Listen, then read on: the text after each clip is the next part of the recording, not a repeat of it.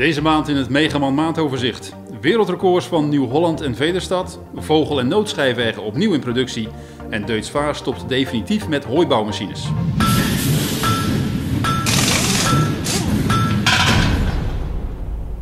April was de maand van de recordpogingen.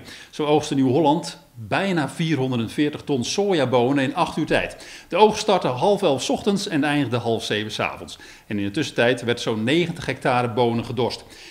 Gemiddeld kwam dat uit op een capaciteit van 54,97 ton per uur. Volgens Rank Brazil is dat een wereldrecord. Ook Vederstad sleepte een record binnen. Met een tempo zaaimachine en een KZH trekker werd in totaal 502 hectare mais ingezaaid in 24 uur. De snelheid lag razend hoog. De combinatie reed gemiddeld 20 km per uur. Bijne, de Belgische fabrikant van onder meer landbouwspuiten, blaast de productie van schijveneggen van vogelennoot nieuw leven in.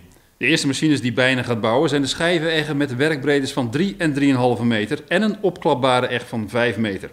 De onderdelen van die machines komen ook weer op de markt. De productie van de schijveneggen vindt plaats in de fabriek van Bijne in het Belgische Ichtegem. Er is meer nieuws over vogelennood. Deze maand werd namelijk bekend dat de overgebleven machines uit de fabriek geveild worden. Het betreft overjarige ploegen, grondbewerkingsmachines en zaaimachines. De online veiling vindt plaats op 10 mei. Trekkerbouwer Deutz Vaar vult zijn hooibouwwerktuigprogramma niet aan met machines van een ander merk nadat het de samenwerking met Kverneland heeft opgezegd.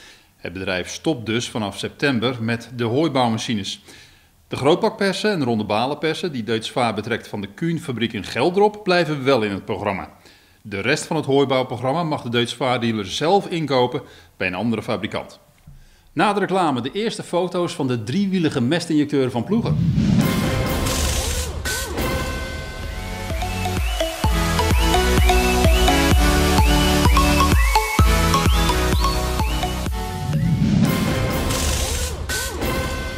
Robert Radcliffe, de oprichter van het landbouwmachineconcern Echo, is op 85-jarige leeftijd overleden.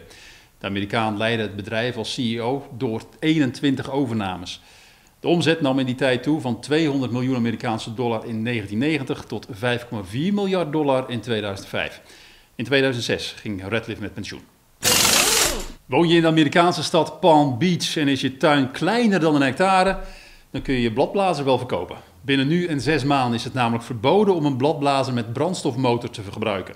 Dat alles om geluidsoverlast te voorkomen.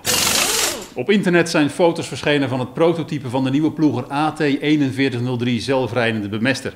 Het design en de kleurstelling wijkt nog af van de definitieve versie, zegt een woordvoerder van ploeger.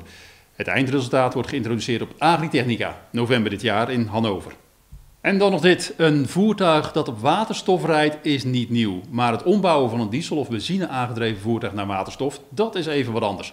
De firma Holthouse uit Hoge Zand is bezig met de ontwikkeling van een kit waarmee je een veegmachine met dieselmotor kan ombouwen tot een waterstofvoertuig.